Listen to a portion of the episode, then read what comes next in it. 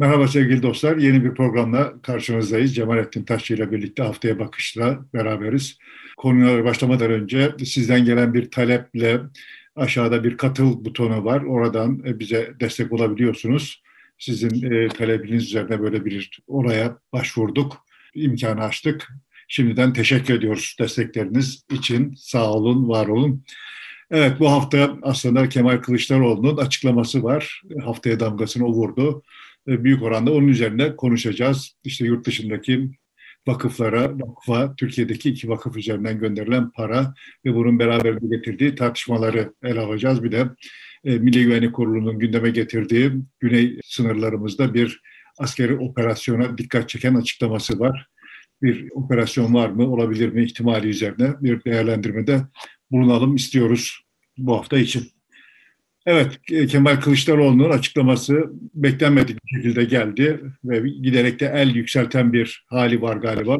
Ama ona tepkiler de geldi. Bazıları da e, daha fare doğurdu e, dediler. Kimileri de ortada daha yok ki fare doğursun diyenler de oldu. Ve buna tepkiler de geldi ve önümüzdeki günlerde bu biraz daha sürecek galiba. Kılıçdaroğlu'nun bu çıkışını nasıl değerlendirdin? Nereye bağladın? Siyasetin yeni bir yolu mu açılıyor? Yeni bir cepheye mi geçti? Yeni bir boyut mu kazandı? Tüm bunları değerlendirelim istersen. yani temel varsayımımız ortada bir siyaset var. Bu acaba başka bir faza mı geçti diye soruyorsun. Ben o temel varsayımla ilgili sorunlarım var yani. Ama net toplamda şunu da işaret ederek başlayayım. Yani Kılıçdaroğlu'nun o grup toplantısında böyle az sonra filan deyip de promote ettiği sonra da işte çektiği videoyu dehşetle izledim. Yani gerçekten son derece abuk bir şey olarak gördüm ve iktidar kanadının bunu fena halde sömüreceğini ve Kılıçdaroğlu'nu muhalefeti sindirmek için bunu kullanacağını düşündüm. Ama öyle olmadı. Yani görüldü ki iktidar kanadı da defansa çekilerek ağırlıklı olarak defansa çekilerek cevap verdi bu hikayeye. Bu iktidarın bundan 3 yıl öncesine, 5 yıl öncesine kıyasla olağanüstü bir kan ve momentum kaybettiğinin bir göstergesi. Bu buna işaret etmiş olayım. Yani Kılıçdaroğlu. E, Kılıçdaroğlu'nun açıklamasından daha çok AK Parti'nin e, ve Cumhurbaşkanı Erdoğan'ın cevabı e, daha şaşırtıcıydı. Dediğin gibi geri bir savunma noktasındaydılar ve işin esasını doğal olarak konuşmak istemedikleri açık ama bir dava açarak işi mahkemeye doğrudan havale etmiş oldu Cumhurbaşkanı Erdoğan. İşte sanıyorum bir milyon TL'lik bir dava açıldı oradan da vakfa kazanırsa gelir olacağını bunun ifade etmiş oldu. Ama muhtemel ki e, bunun etkisi var kamuoyunda bir e, karşılık buldu gibi gözüküyor. İşte ondan çok emin değilim. Yani aslında hani oradan bir anatomi tahlili yapacağım. Ama Erdoğan zaten uzunca bir süredir siyasi hasımlarıyla yani, yani teorik olarak siyasi rakipleri dememiz gerekiyor ama o işi bir hasmaneliğe döktüğü için onun siyasi hasımlarıyla hesaplaşma alanı olarak mahkemeleri seçmiş durumda. Zaten tercihi bu ve o, bu onun ne kadar kalıbın adamı olmadığını, kendisi hakkında söylenenleri hak etmediğinin bir göstergesi benim açımdan. Ama bu fırsatı kamuoyunda Kılıçdaroğlu'nun açıklamasıyla oluşmuş olan ya bu muydu duygusunu fena halde sömürme potansiyeli vardı bildiğimiz Erdoğan'ın daha önceki pozisyonları itibariyle edepsizliğin sınırlarını zorlayarak hatırla yani Oman Adası meselesinde işte mankafa filan diyerek böyle hani çok ofansif bir tutum almış idi. Ben burada da buna benzer bir şey bekliyor idim ama ne Erdoğan'dan ne de yanındaki yamacındakilerden böyle bir şey gelmedi daha çok açıklama yani işte tamam da vakıflar vesaire filan falan gibi böyle bir takım açıklamalar açıklama ihtiyacı ortaya çıkmış olması iktidarın momentumunun da ne kadar zayıfladığını gösteriyor. Yani dolayısıyla hani başlangıçta söylediğime geleyim ortada siyaset yok ki yani. İktidar siyaset yapmayı beceremeyecek kadar çözülmüş, dağılmış, ufalanmış ve işte karşısına muhalefet olarak muhalefeti toparlayan adam kahramanlığı üzerinden pazarlanıyor olan Kılıçdaroğlu'nda bir hafta içinde yaptıkları şunlar yani işte Maltepe'de çıkıp biz işte neoliberalizme karşıyız, filan gibi bir laf etti, bir tuhaf neoliberalizm tanımı yaptı.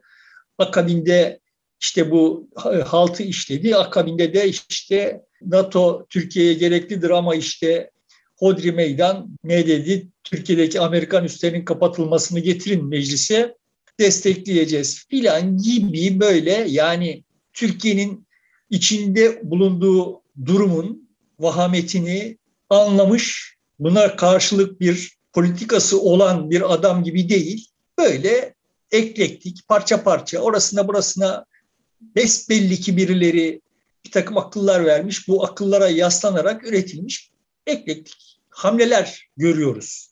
Görünen o ki birileri Kılıçdaroğlu'na demiş ki bak bu millet masaya yumruğunu vuracak adam arıyor. Sen çok munis, yumuşak görünüyorsun. Aha biraz sertleş demiş. Tamam ya bu sen sertleşebilecek bir adam mısın? Yani önce bir kere bu bu lafları dinliyor iken önce bir kendini bir tart yani. Sen sertleşebilecek bir adam mısın? Bir. İkincisi sertleşmek demek bu mudur? Yani muhalefeti sertleştirmek, sert muhalefet yapmak bu mudur? Yani şöyle söyleyeyim yani çok munis olma demek ha bunları yap manasına gelmez yani. Bunu ifade edebileceğim en hoş metafor şu. Müzik. Yani biz insan olarak herhangi bir kişiyi bize öğretmeden bebek yaşta müzik ile gürültüyü birbirinden ayırt edebiliyoruz. Çocuk gürültü duyduğu zaman ürküp bebek yani annesinin dizindeki bebek bir gürültü duyduğu zaman ürküp işte korku reaksiyonu gösteriyor. Ama annesi ona ninni söylediği zaman rahatlayıp uyuyor. Sonuçta ikisi de ses. Kimse ona ninninin bir müzik olduğunu, ötekinin gürültü olduğunu öğretmiş değil. Bu bizde gömülü bir fasilite yani. Bir faculty yani. Tamam mı? İnsanda var olan bir şey. Şimdi biz benzer bir biçimde siyaset olanı siyaset olmayandan ayırt edebilecek kadar donanımlıyız yani her birimiz. Bize müzik lazım ve birileri Kılıçdaroğlu'na diyor ki ya sen çok işte atıyorum Debussy icra edip duruyorsun. Birileri atıyorum tabii bunu yani. yani. Birileri böyle bir şey vehmediyor. Bu vatandaş halk müziğinden anlar ya, ya da bu, bu vatandaş Debussy'den hoşlanmaz diyor. O zaman başlıyor gürültü yapmaya adam. Ya bak kardeşim bu gürültü. Yani bu, bu müzik değil yani. Burada bir bizim ruhumuzu okşayacak, ruhumuzun tellerini e, şey yapacak, titretecek bir şey yok yani. Ve ısrarlı bir biçimde demeye çalışıyorum ki bakın kardeşim sonuçta ben siyaset yapmanın ne ne demek olduğunu filan falan tarif edemeyebilirim.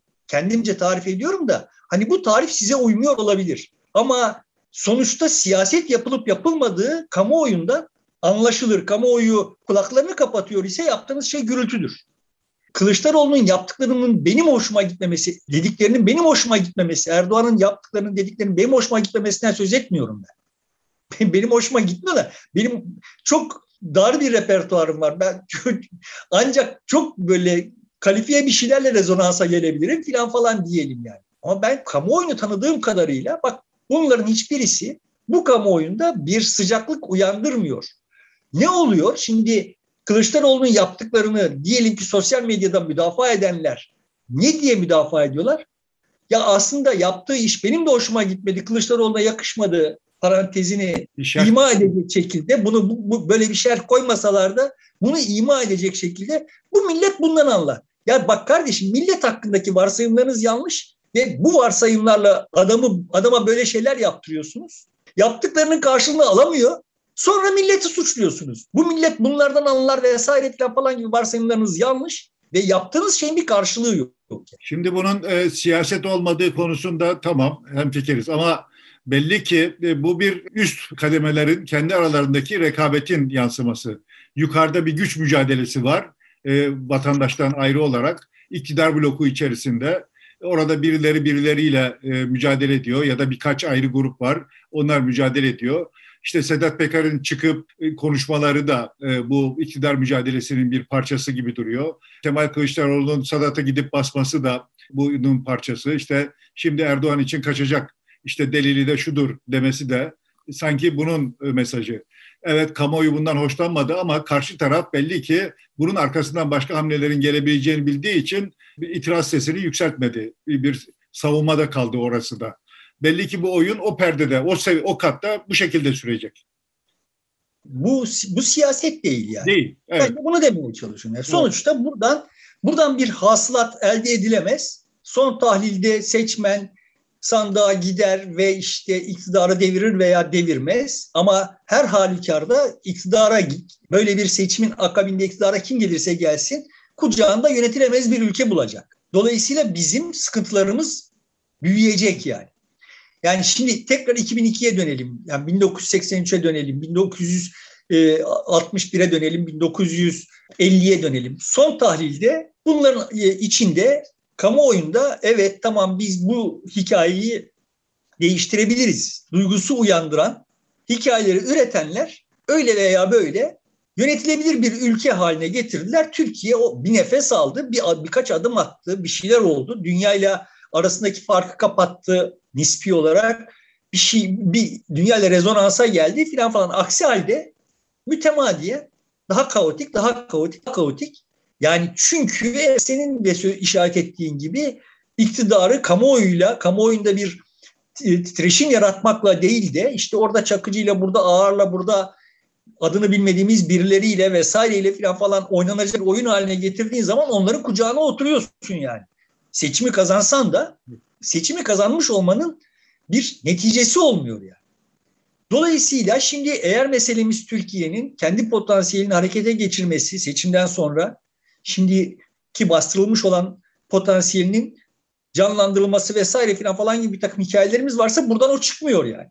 Orada işte Erdoğan'ı şu satacak da Sedat Peker şunu diyecek de filanca işte şu itirafta bulunacak da sana şu belgeler gelecek de filan falan tamam peki Sovat arkasından ne olacak? Bize bize ne bizim hakkımızda ne düşünüyorsunuz yani?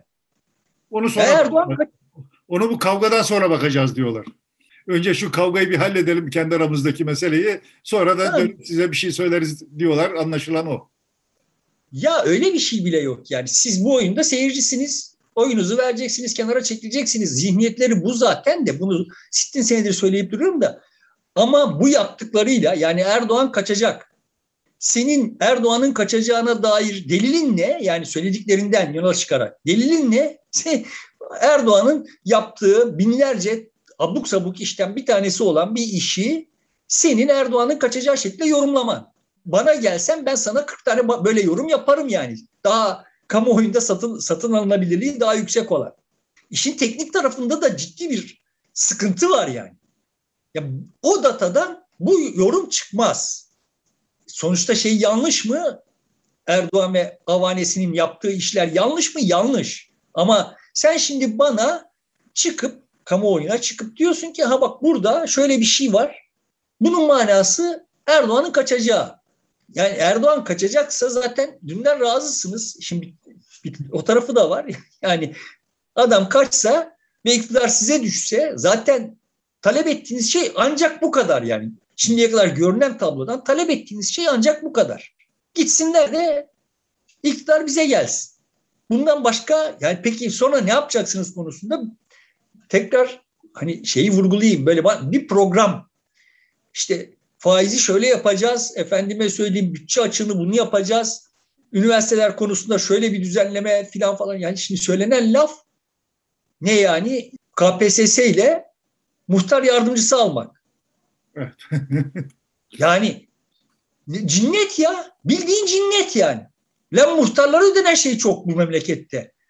Böyle fiktif istihdam yaratmaktan başka bir ufku olmayan bir, bir heyet görüyoruz karşımızda bu, bu örneklere baktığımız zaman. Ya zaten sıkıntımız bizim bu fiktif istihdam yaratmaktan kaynaklanıyor kardeşim. Hani bunu birkaç şeyle beslemek istiyorum. Vaktini alacağım ya. Şimdi müzik metaforu verdim, bir şiir metaforu vereyim. Biz doğrudan gazetelerde, dergilerde vesaire filan falan muhatap olmasak da lise ders kitaplarına muhatap olduk ki işte mefulün, mefaülün, failatün, failün filan falan gibi vezinlerle yazılmış şiirler okuduk ve bunların vezin, vezinlerini çıkarmak üzere imtihanlar olduk. Demek ki insanoğlunda işte bak evet o, o vezinle yazılmış olanı şiir olarak değerlendirecek bir takım şeyler var ve ona göre de şiirler yazılmış.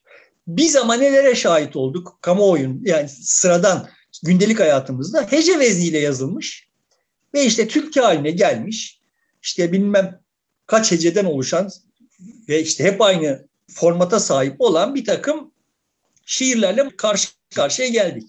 Ama sonra Orhan Veli diye bir adam çıktı yazık oldu Süleyman Efendi'ye gibi bir şiir yazdı ve tereddüt etmedik yani evet bu şiir yani. Yani ne vezin var ne hece var ve hatta ne de mevzu itibariyle bizim şiir diye alıştığımız bir şeye uygun. Ama bildik ki bu şiir yani. Bak bize güvenin kardeşim yani. Orhan Veli bize güvendi ve evet ya burada bir, bir şiir var yani.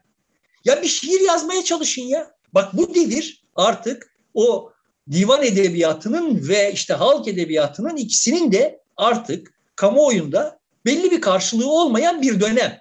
Yeni bir döneme giriyoruz. Yani bu dönemin birçok girdik daha doğrusu. Bu dönemin birçok şeyi var. Temel göstergesi var. Ama bir tanesi bu istihdam takıntısı. Yani yarata, iş yarata yarata bir hal oldunuz ve görüyorsunuz ki bizim sıkıntılarımızı çözmeye yetmiyor bu yani. Yani siz istihdam yaratacağız diye bir şeyler yaparken enflasyon yükseliyor. Yükselen enflasyon yüzünden sizin burada alt tabaka dediğiniz korunmaya muhtaç gördüğünüz, bence de korunmaya muhtaç olan, desteğe muhtaç olan diyelim, kesimlerin hayat standardı düşüyor. Yani siz buraya kaynak aktarmak için böyle cinali fikirleriyle dandik dundik abuk sabuk işler yaptığınız sürece onların durumu daha kötüleşiyor yani. Ya bir ak- aklınızı başınıza toplayın ya. Ya bir gerçeklikle bir irtibat kurun ya. Ya bu kadar ahmaklık. Şimdi neoliberalizme karşıymış beyim. Ya neoliberalizm, neoliberalizm böyle 3-5 bin tane zevzek takmış diline neoliberalizme karşılar. Peki neye tarafsınız? Ve neoliberalizm ne yani? Ne biliyorsunuz neoliberalizm hakkında? Yani neoliberalizm dediğin şey özü 1980'lere gelirken dünyayı kanırtıyor olan enflasyonun üstesinden gelinmezse yoksullukla mücadele edilemeyeceği bilinciydi ya. Ve vaadini yerine getirdi. Dünyanın her yerinde enflasyonu kontrol edebilir seviyelere indirdi. Sonuçta sizin bugün neoliberal diye suçladığınız iktidarların hiçbirisi neoliberal değil. En başta Erdoğan iktidarı neoliberal değil. E, enflasyonu umursamadığı için neoliberal değil. Neoliberalizm dediğinin böyle abuk sabuk kamu yatırımları oraya devasa camiler buraya devasa köprüler şuraya bilmem neler yapılmamasını gerektiriyor yani. Neoliberalizmin temel olmazsa olmazlarından bir tanesi kamunun ayağını yorganına göre uzatması. Şimdi bunlara karşı mısınız? Karşıysanız neoliberalsiniz. Çünkü neoliberalizm de bunlara karşı. Hani bu kadar basit bir mantık kurmak istemezdim ama hem bunlara karşı olacaksınız hem ondan sonra muhtar yardımcılığı gibi böyle absürt bir şey icat edeceksiniz ya bun, bunlar bu müzik değil bu şiir değil tamam mı bu şimdi böyle sapır sapır ağzına geleni dö- dökülüyor ve ahali ahmak yerine koymak yani. Yani bu ahali müzikten anlamaz, şiirden anlamaz. Ben burada yerlenirim, onu müzik zanneder, abuk sabuk saçmalarım şiir zanneder filan falan gibi bir şey bu. Siyaset yok. Net toplamda. Çünkü bir hayal yok. Çünkü kendine güvenen bir özne yok. Yani şimdi ha tamam ya Türkiye şöyle bir paralize oldu. Çünkü işte siyaseti şu hale geldiği için vesaire falan. Şimdi ben kendime güveniyorum bu vatandaşla, bu vatandaşın adımlarına adım uydurarak burada ya bir Orhan Veli'si yok yani. Bir Orhan Veli olmadan şair muamelesi görmek isteyen bir birileri var ortada. Ama şimdi evet bize serbest lezim, serbest şiir lazım kardeşim artık. Başka bir dünyada yaşıyoruz. Neoliberalizmin sonu gelmiş olabilir. Tamam yani buna karşı olabiliriz. Ama neresine neden karşıyız? Hangi problemi çözmek istiyoruz? Bu problemi çözmek için elimizdeki enstrümanlar olarak neyi görüyoruz? Ya bir fikir verin ya. Verdiğiniz fikir muhtar yardımcılığı. Yani lazım mı muhtar yardımcılığı? Değil. Peki niye veriyoruz ama işte birilerine para aktaracağız. İşsizlik var. Böyle çözülebilir olsa da zaten çözülecekti kardeşim işsizlik. Şimdi şiirden söz ettiğin Nazım Hikmet de putları devirmek diye bir e, çıkış yapmıştı 20'li yılların sonunda ve e, var olan o ana kadarki şiiri ve şiir üstadlarına itiraz edip kendisi ayrı bir tarzda yola devam etmişti ve etkili de olmuş idi. Her zaman böyle olur ya. Sonuçta şimdi dönem dönem yani son, tablo şöyle olur. Bir tırnakça darbe olur. Sen gidersin yepyeni tarzda işte o, o, o cesaretle, Orhan Veli vesaire cesaretiyle serbest vezinde yazarsın. Sonra aa evet tamam bak bunun şiir olduğunu bu ahali anlıyor. Bak biz bunu akıl edememiştik diyenler senin peşinden giderler. O zenginleşir o. Bir süre sonra artık onunla yol alınamaz olur. Yani herkes onu yeniden yeniden ürettiği için oradan bir şey çıkmamaya başlar. Bir başkası çıkar, bir başka grup çıkar. Cesaretle, cüretle putları yıkar. Yani evet putların yıkılması gereken dönemler gelir. Ama ne olur sonra? Yeni putlar inşa edilir. Şimdi açık bir şekilde yaşıyoruz ki putların yıkılması gereken bir dönemdeyiz. Ama onu geçtim bak. Var olan hani putları yıkacak cüretleri, cesaretleri vesaireleri yok. Tamam kabul ettim. Ya put koyacak kadar bile kabiliyetleri yok. Yani söyledikleri laflar üç tane laf arka arkaya koyduğunda üçü birbirine aksediyor yani. Ya sen Amerikan üstlerini kaldırmayı bu şu Türkiye'nin konjonktüründe yani şimdi diyecekler ki denecek yani ulan bu da Amerikancı. Ya Amerika'ya da Amerikan üstlerine de şuna da buna da her şeye kardeşim şimdi şu, şu, şu konjonktürde Türkiye'nin problemi Amerikan üstleri mi ya? Bir anti-Amerikan duygu var ya onun yanında durmak, onunla beraber olmak istiyor belli ki. Tamam da o anti-Amerikan duygunun şu anda en tereddütle dile getirildiği dönemde yaşıyoruz Türkiye'de. Yani bundan üç yıl önce Amerikan üstlerine posta atmak kamuoyunda bak tekrar söylüyorum. Ben kendi duygularımı tarif etmiyorum. Benim bildiğim kamuoyu. Şu anda kamuoyu böyle anti Amerikan, anti Avrupa filan falan bir şeyler kendisi kendi tenhalarında bunu tekrarlasa, yıllarca bunu söylemiş de olsa bugün bunların dile getirilmesi ya bizi bunlar Rusya ile Çin'le aynı pakete mi sokacaklar? Korkusu uyandırıyor kamuoyunda ya. Duyuyor musun, görüyor musun sosyal medyada botlar dışında bu konuda ve yani daha önce defalarca, yıllarca bu konuda eşelenmiş olan ya boş ver sosyal medyayı. Yani böyle en anti Amerikancı böyle pervasız köşe yazarları şunlar bunlar bu lafları ediyorlar mı ya? Etmiyorlar yani çünkü herkeste bir, bir korku var. Bu devirde bu laf edilir mi ya? Sonra, yani Yunanistan'a Amerikan üstleri yığılıp dururken kendim bunu söylüyor iken sonra şey de absürt yani bilmiyorum ben mevzuatta mevzuatta benim bildiğim kadarıyla yani kardeşim niye çağrıda bulunuyorsun? Senin orada grubun var. Madem getir meclise kendin. Getirebiliyorsan getir. Yani, getirmesine mani bir şey var mı? Benim bilmediğim ya, bir şey var mı? Hani gençler bize oy veriyor falan diyorsun. Gençler Türkiye'yi terk ediyor diyorsun. Türkiye'yi terk eden gençler de genelde Batı'ya, Avrupa'ya, Amerika'ya gidiyorlar. Ee, onlara sahip çıkacaksın ama onların duygusunda anti-Amerikancılık çok fazla yok. Antipaticılık yok. On, oralarda bir iş bulmak var. Şimdi sen hem onlarla beraberiz, onların için bir dünya kuracağım diyorsun hem de onların gittiği ülkeleri duvar kuracağım, onlarla ilişki kurmayacağım anlamına gelen açıklamalarda bulunuyorsun. Evet, şimdi sonuçta hani ben ben de kaçacak olsam İsviçre'ye kaç, kaçacak olabilirim vesaire falan falan ama işte İsviçre'ye kaçma lüksüm olduğu sürece de İsviçre'ye, Avrupa'ya, Amerika'ya ve veririm veriştiririm ya. Bunda bir beis yok yani. İnsan bu anlamlarda ille de tutarlı olması falan gerekmiyor yani. Yani Çin hakkında abuk sabuk konuşma ihtiyacı hissetmem çünkü zaten ufkuma girmiyor yani. İnsan tanıdığına söver. Tanımadığına niye sövsün? Dolayısıyla böyle bir tutarlık aramıyorum. Ama bir kamuoyunda bir şey oluşmuş. Yani Rusya-Ukrayna savaşı vesaire falan falanlar üzerinden bakıldığında kamuoyunda zaten bir kaygı oluşmuş. Ya bunlar bizi ya şimdi neoliberalizme karşısın. Neoliberalizmin varsayımlarından bir tanesi ne? Ve işte bütün dünyada aslında gerçekleştirdiği vaatlerinden birisi ne? Küreselleşme. Yani Türkiye'ye düşen payı itibariyle en simgesel anlamı ne? Gümrük birliği. Sen şimdi neoliberalizme karşısını anladık. Gümrük birliğinden çıkaracak mısın Türkiye'yi? Yani neoliberalizme karşıyım demek ne manaya geliyor? Böyle orada işte bir, bir şey var ya bir dalga o senin dediğin gibi yani o dalganın üstüne binecek. Ya böyle siyaset mi olur kardeşim ya? Ya bunu yapmak için lise mezunu bir lise e, son sınıf öğrencisi bir çocuğu getirsek o da yapar yani. Şimdi Ankara'da oturmuşlar koskoca parti binalarında hüküm sürüyorlar. Yanlarında bilmem kaç tane böyle akıl verenler ve buldukları bu yani. Bulup buldukları şeyler bunlar. Sonra AKP'den kopmayanlar niye kopmuyor? Kopanlar niye bize gelmiyor? Bu belki bu vatandaşta iş yok şimdi. Bir de son dönemde bu diline dolandı beyefendinin. Uyanın diyor yani. Ha kendisi uyanık da. Uyanık hali bu yani. Yanındakilerle birlikte kendisinin zat hallerinin uyanık hali bu. Uyanmış da şimdi bizi uyanmaya, kamuoyunu uyanmaya davet ediyor. İkidir kullanıyor yani. Ki gerçekten böyle her gün biraz daha ümidim, zaten olmayan ümidimi kaybediyorum. Ya bu nasıl bir heyet ya? Hangi Türkiye'de yaşıyorlar? Siyaset yapmanın siyasi partilere yasak kılındığı bir ortamda böyle sonuç çıkıyor.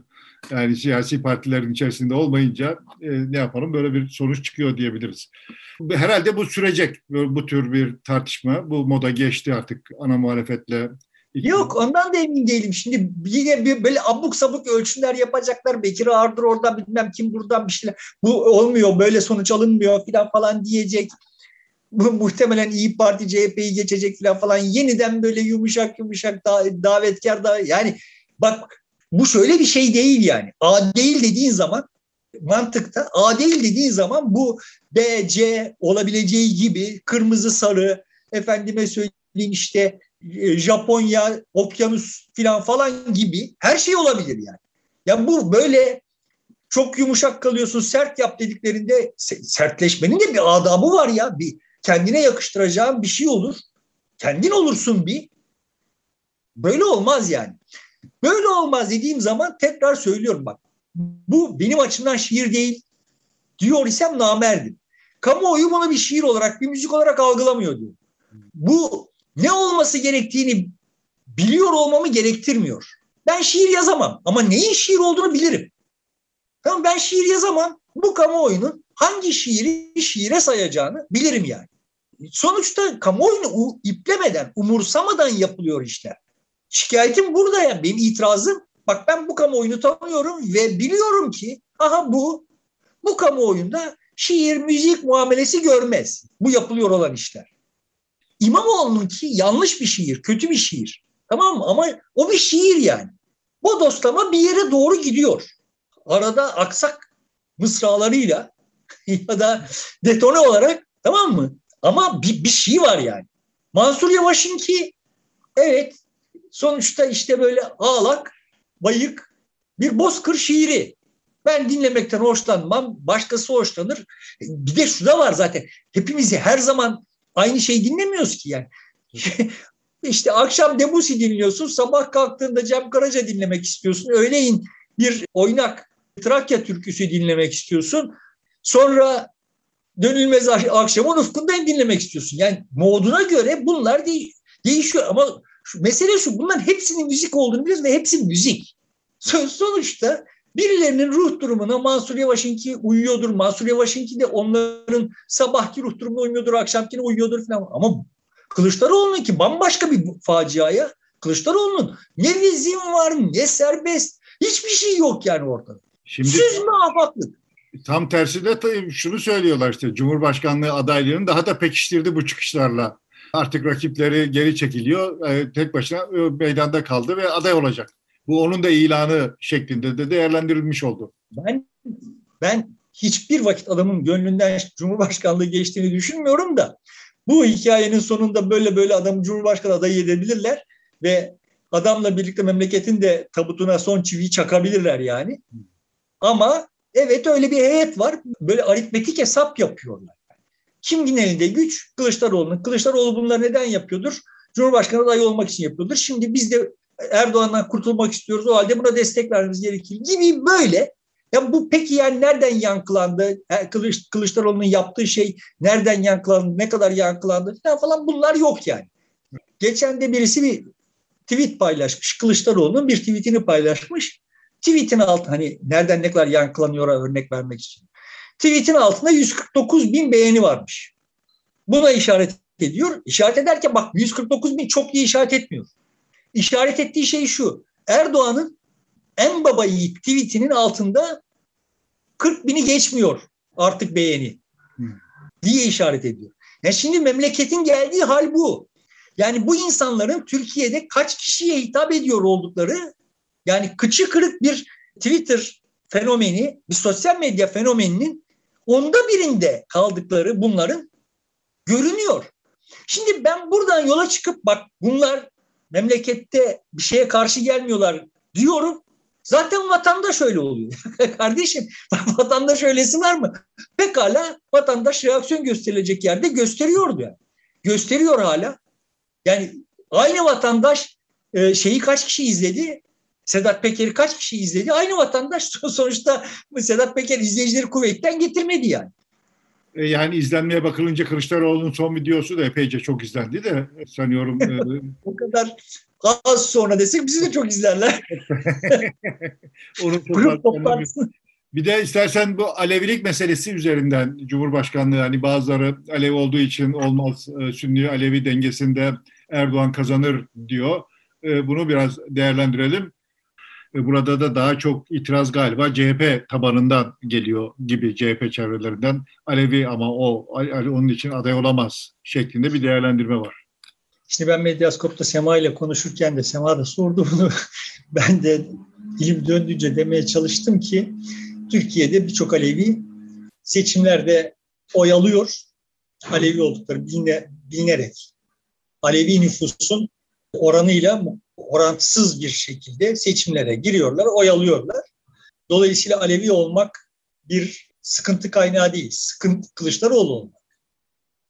yani şimdi Kılıçdaroğlu aday olur, atıyorum ve işte seçilemez. Aleviliğine bağlanır. Ya bak kardeşim adam adamın yazdığı şiir okunacak şiir değil, yaptığı müzik gürültü. Tamam ya sonuçta adam bu yüzden kaybedecek yani. Ama Türkiye hakkında bu ahkam kesen zevzekler hep aynı ezberler üzerinden konuşup duruyorlar. Şimdi ben Sema ile konuştuktan sonra Yıldıray Uğur bir yazı yazdı ve yani işte Mersin'de ve Adana'da CHP'nin Zeydan Karalar'la seçeri aday gösterme gösterme sürecinin hikayesini ta Atatürk'ün Nusayriler konusundaki İnönü'ye uyarısı mektuplarından mektuplarına bağlayarak konu etti. Ve evet yani sonuçta Arap Alevisi iki kişi Adana ve Mersin gibi yerde Büyükşehir Belediye Başkanı seçildiler. Yani yüzde on beş Nusayri nüfusu olan yerde yüzde elliden fazla oy alıp seçildi adamlar. Yani memleket böyle bir memleket kardeşim. Bak bu memleket böyle bir memleket. Bu insanlar Alevi oldukları, Arap Alevisi oldukları biliniyor olduğu halde Türk milliyetçiliğinin önemli karelerinden birisi olan yerde elini kolunu sallaya sallaya seçilebiliyor. Türkiye hakkında ahkam keserken biraz dilinizi ısırın ya. Kılıçdaroğlu Türkiye'de pekala Cumhurbaşkanı seçilebilir. Alevi Türkiye'de şöyle cümleyi yanlış kurdum. Türkiye'de bir Alevi pekala Cumhurbaşkanı seçilebilir. Ama Türkiye'nin bir derdine derman olma potansiyeli sergilerse Kılıçdaroğlu gibi birisi Türkiye'de Cumhurbaşkanı seçilemez. Kılıçdaroğlu olduğu için. Alevi olduğu için değil. Yani herhangi bir Aslında derdimizi... E, bize vaat ettikleri, yapacakları bizim için e, işte bir gelecek ufku çizdiğinde bu eğer kabul görürse zaten onun kimliği, kişiliği e, geri planda kalır. Ne olduğu pek fazla konuşulmaz bile. Evet, memleket bunların hangilerinin üstün örteceğini bir insanı seçmeye karar vermiş ise onun hangi vasfın üstün örteceğini, hangisinin üstün açacağını bilir ya insanlar. Toplumlar bu anlamda çok mahir şeylerdir. Defalarca ispatladı yani. Ya Türkiye Cumhuriyeti'nde işte sonuçta çok erkek egemen vesaire falan lafları edilen Türkiye Cumhuriyeti'nde dünyanın birçok tırnak içinde gelişmiş ülkesinden çok daha önce Tansu Çiller gibi birisi güle oynaya seçildi. Buradan bir buradan bir zafer hikayesi çıkararak kamuoyu kendisini burada ispatlayarak seçildi. O zamanlarda kadın seçilemez filan falan geyikleri yapılıyor idi yani. Şimdi Kılıçdaroğlu kaybederse gerekçe hazır. Alevi olduğu için oy vermediler diyeceğiz. Siyaseten başarısı olduğu için değil. Evet. Kılıfı minareyi çalmadan hazır, hazırlıyorlar yani. Öyle bir şeyimiz var. Yani siyasette istersen burada bitirelim. Bir e, Suriye meselesi var. Orada işte NATO üyeliğine girme tartışmasının bir devamı gibi de sayılabilir. İsveç'le Finlandiya'nın işte NATO üyeliği gireceği zaman e, Türkiye Cumhurbaşkanı Erdoğan başta olmak üzere onların işte PKK'ya terör örgütlerine verdikleri desteği çok yüksek sesle gündeme getirerek itiraz etti. Ama son Milli Güvenlik Kurulu toplantısında da bir sınır ötesi operasyon olabileceğine dair işaret verilmiş oldu. E, bu çok hani derinlemesine giden bir şey değil belki diye söyleniyor. 30 kilometre bir güvenli bölgenin oluşturulması. Özellikle de Fırat'ın doğusundan sonraki bölgede Orası işte 480 kilometre uzunlukta olan bir bölge. 150 kilometresinde evet 30 kilometreye kadar Türkiye bir güvenli bölge oluşturmuş. Öbür tarafta oluşturmamış. Burayı da oluşturarak bir güvenli bölge yapacak. Ama bunun altında yatan asıl sebebin de orada bir yerleşim alanı kurmak. Buradan İstanbul'dan ya da Anadolu'nun değişik yerlerinden gelen yabancı şeyli Suriyelileri e, oraya götürüp orada ikamet etmelerini, 2 milyona yakın insanın orada barınabileceğini tahmin ederek oraya yerleştirmek niyeti var deniliyor. Bir bu var. Bir de enerji güvenliği için Batı'nın önümüzdeki süreçte e, bir enerji üssü haline Türkiye gelebilir. O yüzden de oralarda bir güvenli alan inşa ediyor şimdiden. Batı da aslında buna çok fazla itiraz etmiyor diyen bir yaklaşım da var. Şimdi mevzuya girmeden, yani Suriye mevzuna girmeden önce e, şeye işaret edeyim izin verirsen. Hiç anlamadığım bir şey, senin anladığın bana da anlatabileceğin bir şey ise müteşekkir kalırım. Yani e, geçtiğimiz hafta beş şehit verdik. Irak'taki bir operasyon. Anlaşıldığı kadarıyla sürüyor olan bir operasyon. Evet sürüyor. Çerçevesinde yanlış anlamadımsa beş şehit verdik. Fakat bunun üzerinden herhangi bir köpürtme işi gerçekleşmedi. Bunu anlamakta zorlanıyorum. E, şehit Finlandiya daha fazla aslında bütün bu operasyon boyunca parça parça hepsi aynı anda değil. Sayı toplamını bilmiyorum ama e, bunun birkaç katı olsa gerek.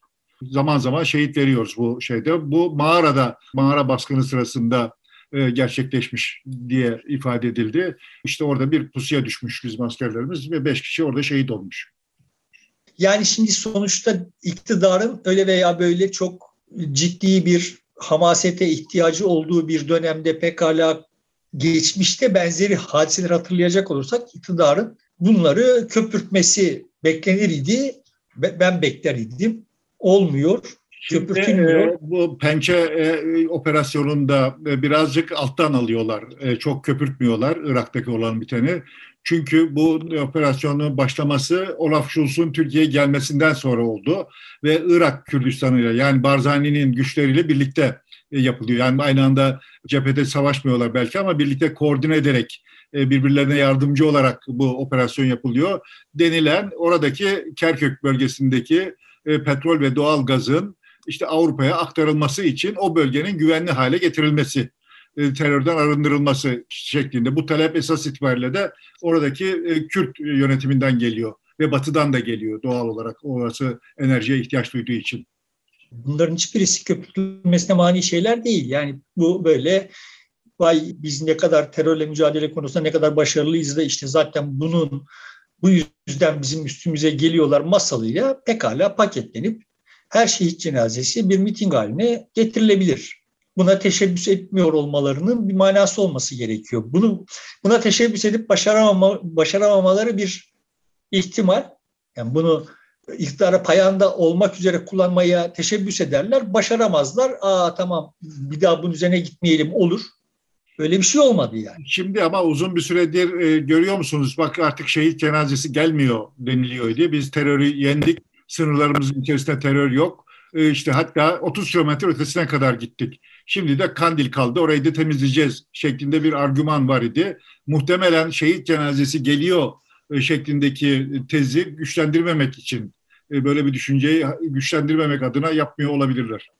Olabilir. Buna, bunu kabul edebilirim. Bu da yani sonuçta defansif bir ruh durumuna düşmüş olduklarının bir göstergesi olarak bunu da yorumlarım. Yani daha önce benzer şartlarda çok rahatlıkla hikayeyi yeniden e, işte tamam bütün dünya bize karşı ve filan deyip hikayelendirebiliyor idiler.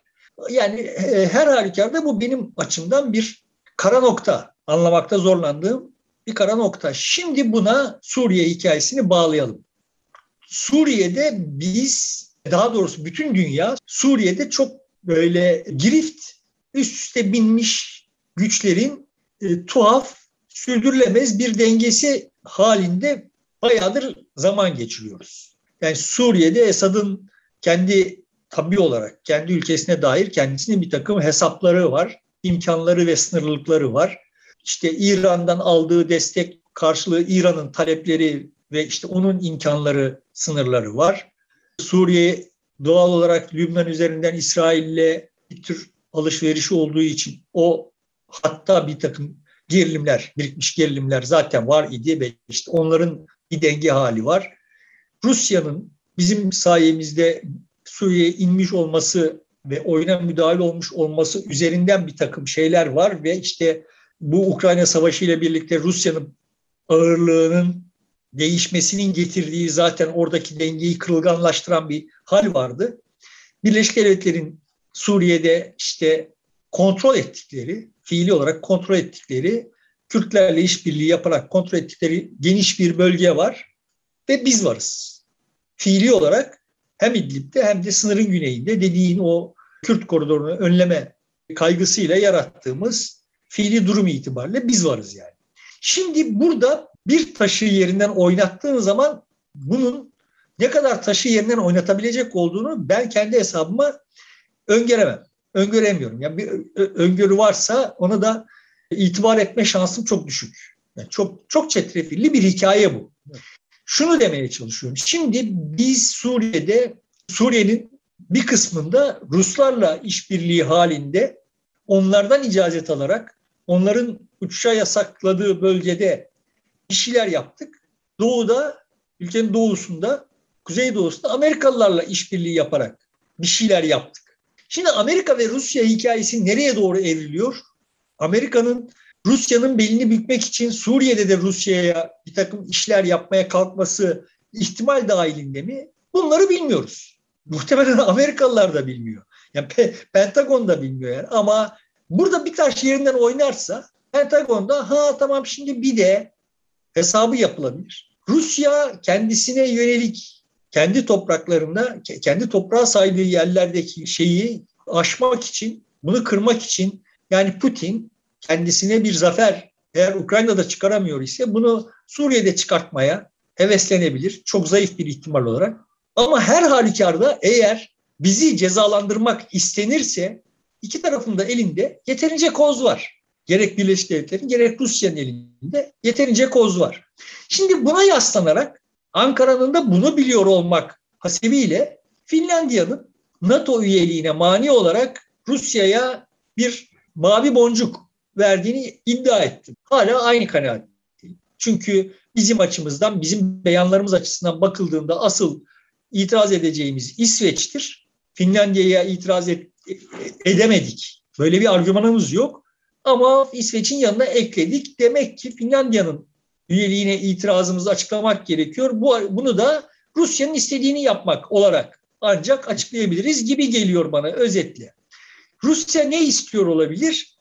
Finlandiya'nın üyeliğinin bloke edilmesi karşılığında işte veya biz Rusya'dan ne istiyor olabiliriz? Şimdi görünüyor ki evet biz Rusya'ya mavi boncuk verdik. Buna karşılıkta sınırın güneyinde teknik olarak bugüne kadar Rusya'nın kontrolünde olan bir bölgede biraz daha kendi geçmişte ilan ettiğimiz ama ulaşamadığımız hedeflere ulaşmak üzere biraz daha gidelim. Bu şunu bilmiyorum. Yani Ankara ile Moskova arasında böyle bir karşılıklı mutabakat olmuş mudur? Bilmiyorum yani. Ama eğer olmamışsa bu zannedildiği Ankara'da bir takım zanlar üzerine yani bak biz sana Finlandiya konusunda böyle bir blokaj yaparak mavi boncuk verdik sen de şimdi burada bize ilişme dendiyse bu beklenen sonucu hiç doğurmayabilir. Yani birincisi Rusya yani ben zaten sana daha önce birçok mavi boncuk vermiştim o mavi boncuk bunun karşılığı diyebilir. Ekstra bir şey talep etmemen gerekirdi diyebilir. Ama asıl mesele o değil yani. Asıl mesele sonuçta şimdi o denge üzerinde diyelim. Sonuçta sen şimdi oraya taarruz ettiğinde Rusların o bölgeyi kontrol edebilecek kadar teknik ve moral üstünlüğü yok.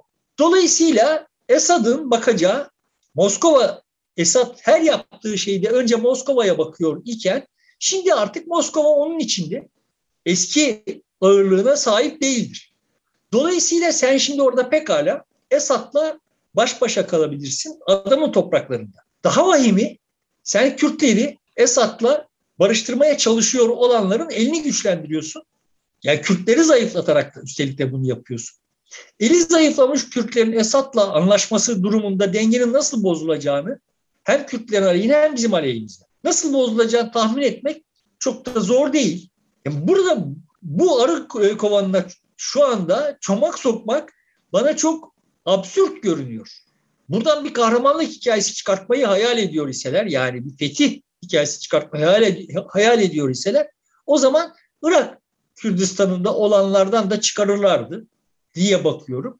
E, eğer bunu hayal etmiyor iseler... Türbesini e, eski yerine götürme projesi var bu operasyonun çerçevesinde. Onun belki bir karşılığı olabilir Türk kamuoyunda. Ya Ayasofya'nın açılmasının karşılığı bir hafta sürdü ya. Ya bugünün konjonktüründe Süleyman Şah Türbesi'ni Şam'ın göbeğine götürecek olsam bir karşılığı olacağını zannetmiyorum. Kimsenin yaptığının tekrar başa deneyim. Kimsenin yaptığının bir karşılığı yok. Bu şiirleri dinlemek istemiyoruz ya da bu gürültüyü dinlemek istemiyoruz artık toplum olarak. Bunlar bizim şu andaki ruh durumumuz açısından bakıldığında bunlar bizim gönül tellerimizi titretmiyor kardeşim. Buradan birisi kazanacak. O yani oyun böyle böyle oynanıp sonunda sandığa gidersek birisi kazanacak. Ama bu kazanmış olanın marifeti olarak gerçekleşmiş olmayacak yani. Yani sonuçta birbirinden kötü saz şairleri çıkmışlar meydane ve işte destek istiyorlar. Kimse desteklemeden işte orada amcaoğlu, hala kızı vesaire filan onların desteğiyle, alkışıyla birisi ötekilerin ötekinin önüne geçecek. Buradan bir siyaset çıkmıyor. Kamuoyu burada karnının şişini indiremiyor. Bir hayal kuramıyor. Dolayısıyla Süleyman Şah'la falan hallolacak bir iş değil bu iş yani. Zaten Ama, çok geniş bir şey düşünüldüğünü zannetmiyorum. Yani küçük bir şey işte 30 kilometre en fazla. Bu çerçevede bir bonus olarak da Süleyman Şah Türbesi'nin yerine götürülmesi belki gündeme gelebilir. Şimdi bak benim işaret etmeye çalıştığım husus şu. Sonuçta 30 kilometre, 22 kilometre, 58 kilometre. Bunlar değil ki konumuz. Konumuz şu. Sen buraya müdahale ettiğin zaman oyunun diğer oyuncularının hangi reaksiyonları göstereceğini tahmin edemezsin. Ve başının belaya girme ihtimali azımsanmayacak kadar çok. Başımızın belaya girme ihtimali çok yüksek. Buradaki kazanç bu riski nasıl karşılıyor? Ankara'da bu hesap nasıl yapılıyor? Kim yapıyor? Bunu anlamakta zorlanıyorum. Yani zaten iktidar olarak bu kadar sıkıntılı bir durumdasın. Girdin oraya, bir şey yaptın ve karşında Esad, Kürtler ve İran birlik halinde Rusya'yı da Rusya'nın ara buluculuğunu da iplemeyerek üstüne geldiler. Ne yapmayı düşünüyorsun yani? İdlib'den bir milyon kişiyi, yani şimdi İdlib'i bir biçimde öyle veya böyle verdiği taahhütlerini yerine getirmediğini halde orada bir cep olarak tutuyorlar. E ama adamın kendi toprakları ve adam oradan orayı kurtarmak üzerinden şehit vermeyi kendi kamuoyunu açıklayabilir. Diyelim ki öyle bir operasyon yapıldı ve sen 10 şehit verdin, adam 200 şehit verdi. Kim zararda? Senin 10 şehidinin sana maliyeti adamın 200 şehidinin adama maliyetten daha yüksek. Nasıl ki 3 Amerikalı 3000 Suriyeliden daha çok para ediyor ise senin durumun da bu yani. Dolayısıyla buna nasıl Afrin ve, ve İdlib e, işin içerisinde yok galiba. Oraya hiç hedeflemiyorlar. Doğusuna İdlib, on, İdlib işin içinde yok. Biz buradan Kobani üzerinden bir şeyler yapacağız ama adam, cevabı İdlib'de verirse ne yapacaksın? Bunu soruyorum yani. Sonuçta İdlib'de bizi tekrar söyleyeyim taahhütlerimiz vardı yerine getirmedik ama işte ona rağmen dayılandık. İyi kötü o cebi biraz daralttılar. Yani işte M4'ü M5'i açmak falan gibi taahhütlerimiz vardı yapamadık. E şimdi geldi üstüne adamın kendi toprakları geldi üstüne. Yani o şeylerin vardı karakolların vardı onların hepsini geri çekmek zorunda kaldım filan. Şimdi ama yani hala orada askerim var. Evet. Ve ha, asıl asıl mesele o da değil yani. Oraya bir baskı olduğu zaman senin sınırlarına bir milyon kişi dayanacak. Arasında sayısız cihatçı olan bir milyon kişi dayanacak. Ne yapmayı yani ne yapacaksın yani? Yani bu böyle tuhaf dengede olan bir yere şimdi şu konjonktürde müdahale edilmesinin mantığını kavrayamıyorum. buradan bir kahramanlık hikayesi yazılması beklentisi var ise yani bana çok çok ciddi hayalperestlik gibi görünüyor yani. İktidarın bir süredir izlediği politikalara baktığım zaman da bunun o politikalara da uygunsuz olduğunu düşünüyorum yani. Yani böyle yavaş yavaş rücu eden, yavaş yavaş geri çekilen bir iktidarın şimdi burada böyle bir ofansif hareket yapmasını da anlamıyorum. Yani sonuçlarını hepimiz için umarım çok ağır bir fatura çıkartmaz diye de ümit ediyorum yani. Yani bir de tabii devletler arası ilişkilerin bu kadar güçlendiği, e, Türkiye'nin bölgedeki bütün devletlerle yeniden masaya oturduğu bir dönemde e, böyle bir askeri harekatın bu ilişkileri de nasıl etkileyeceği soru işareti doğal olarak. O dediğin gibi zamanlama yani sanki bir fırsatmış gibi değerlendiriliyor ama aslında zamanlama çok da uygun gibi düşmüyor.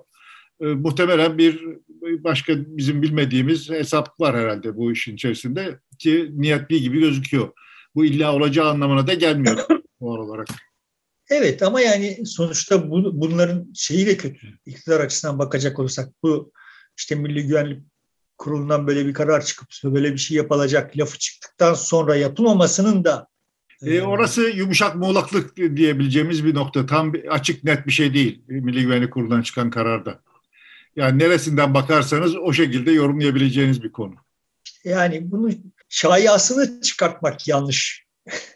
Bilmiyorum yani. E, Sonuçta işte zaten bu da belki bir şey yani bugüne kadar hiç bu şekilde önceden fazla konuşulmaz idi. Operasyon başlamış olurdu. Birden başlardı. Önceden şimdi konuşuluyor ise bu operasyon yapılmayacağı anlamına da gelebilir. Olabilir, haklı olabilirsin yani. Burada bitirelim mi? Başka söyleyecek şeyimiz var mı? Benim söyleyeceğim başka bir şey yok. Daha çok karamsarlık yaymasam iyi olacak yani. Evet, karamsarlığa değil, iyimserliğe ihtiyacımız var her açıdan ama biraz iyimserliği yakalamak zor. Peki, o zaman burada bitiriyoruz. Sevgili dostlar, teşekkür ediyoruz bizi dinlediğiniz için. Sağ olun. Sizin talebiniz üzerine katıl butonunu açtık. Onun için de teşekkür ediyoruz. Sağ olun. Görüşmek üzere.